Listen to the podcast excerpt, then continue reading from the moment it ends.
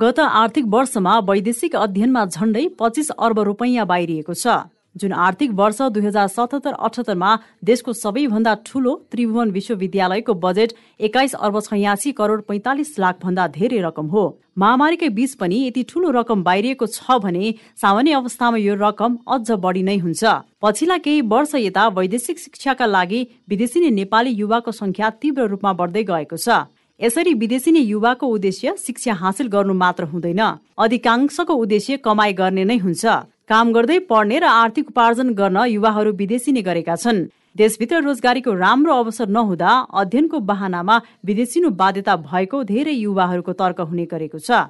वैदेशिक अध्ययनका लागि जापान जाने प्रक्रियामा रहनु भएका हाल काठमाडौँको गोङगबुमा बसोबास गर्ने स्याङ्जाका बसन्त पोखरेलको पनि यस्तै भनाइ छ। वैदेशिक अध्ययनको लागि जापान जान लागेको नेपालमा उज्जवल भविष्य नदेखेर उहाँ गएर पढाइको साथसाथै कामहरू पनि गरेर जे जे पढो त्यो अनुसार कामहरू पनि पाउने हुनाले उहाँ गएर केही राम्रो गर्न सकिन्छ कि भनेर जापान जान लागेको हुँ। नेपालमा चाहिँ राम्रोलाई भन्दा हाम्रोलाई धेरै प्रायोरिटी दिने भएर नेपालमा उज्जवल भविष्य केही देखिन। त्यसले गर्दा खर्च गरे गए पनि पछि गएर फ्युचर चाहिँ अलिकति राम्रो देखेको हुनाले नेपालमा उचित अवसरको अभाव सक्षम जनशक्ति भन्दा पनि नातावादले अवसर पाउने जस्ता कारणले युवाहरूमा निराशा छाउने गरेको छ। जसका कारण जसरी भए पनि ऋण लिएर विदेश पढ्न जाने संस्कृतिको विकास नै भइसकेको छ।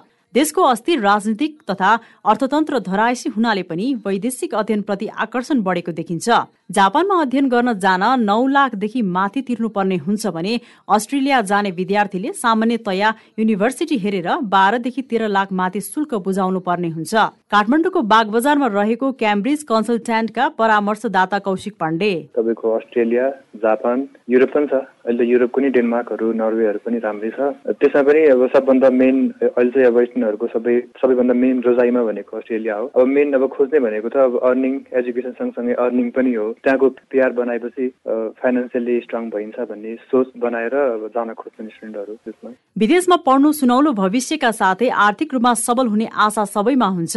कोरोनाको प्रभावले देशको अर्थव्यवस्था ठप्प भएको अवस्थामा ठूलो धनराशि बाहिरिँदा अर्थतन्त्रमा अल्पकाल र दीर्घकालमा असर पर्ने बताउनुहुन्छ वरिष्ठ अर्थविद प्राध्यापक डाक्टर चन्द्रमणि अधिकारी।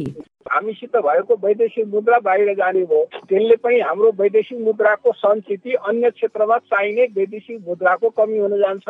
एउटा कुरा त्यो हुन्छ दोस्रो कुरा श्रम शक्ति बाहिर जान्छ र भोलि दीर्घकालमा चाहिँ के हुन्छ भने त्यसरी विदेश पढ्न गएका विद्यार्थी मध्ये साठी प्रतिशत भन्दा बढी विद्यार्थी नेपाल फर्किँदैनन् बाहिर पढेर बाहिरै बस्छन्। प्राविधिक जनशक्तिको नेपालमा कमी हुन्छ। सरकारले विद्यार्थीलाई गुणस्तर शिक्षासँगै सुनिश्चित भविष्यको प्रत्याभूति दिन नसक्दा सामाजिक सँगै आर्थिक पक्षमा समेत प्रभाव परेको छ। सम्बन्धित निकायले प्रविधिमूलक शिक्षाको विकासमा जोड दिनुपर्ने देखिन्छ। फेरि वरिष्ठ अर्थविद प्राध्यापक डाक्टर अधिकारी। नेपालमै पढ्ने व्यवस्था गरेर यसको अधिकांश जनशक्तिलाई यहाँ रोक्न सक्यो भने पच्चिस अर्ब रुपियाँले त यही एउटा दुईटा शैक्षिक संस्थाहरू नै खुल्न सक्थ्यो।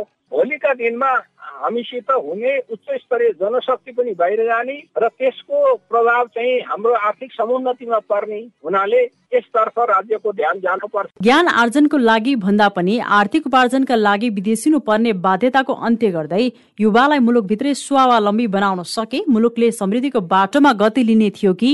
रेडियो क्यान्डिडेटका लागि विद्या तामाङ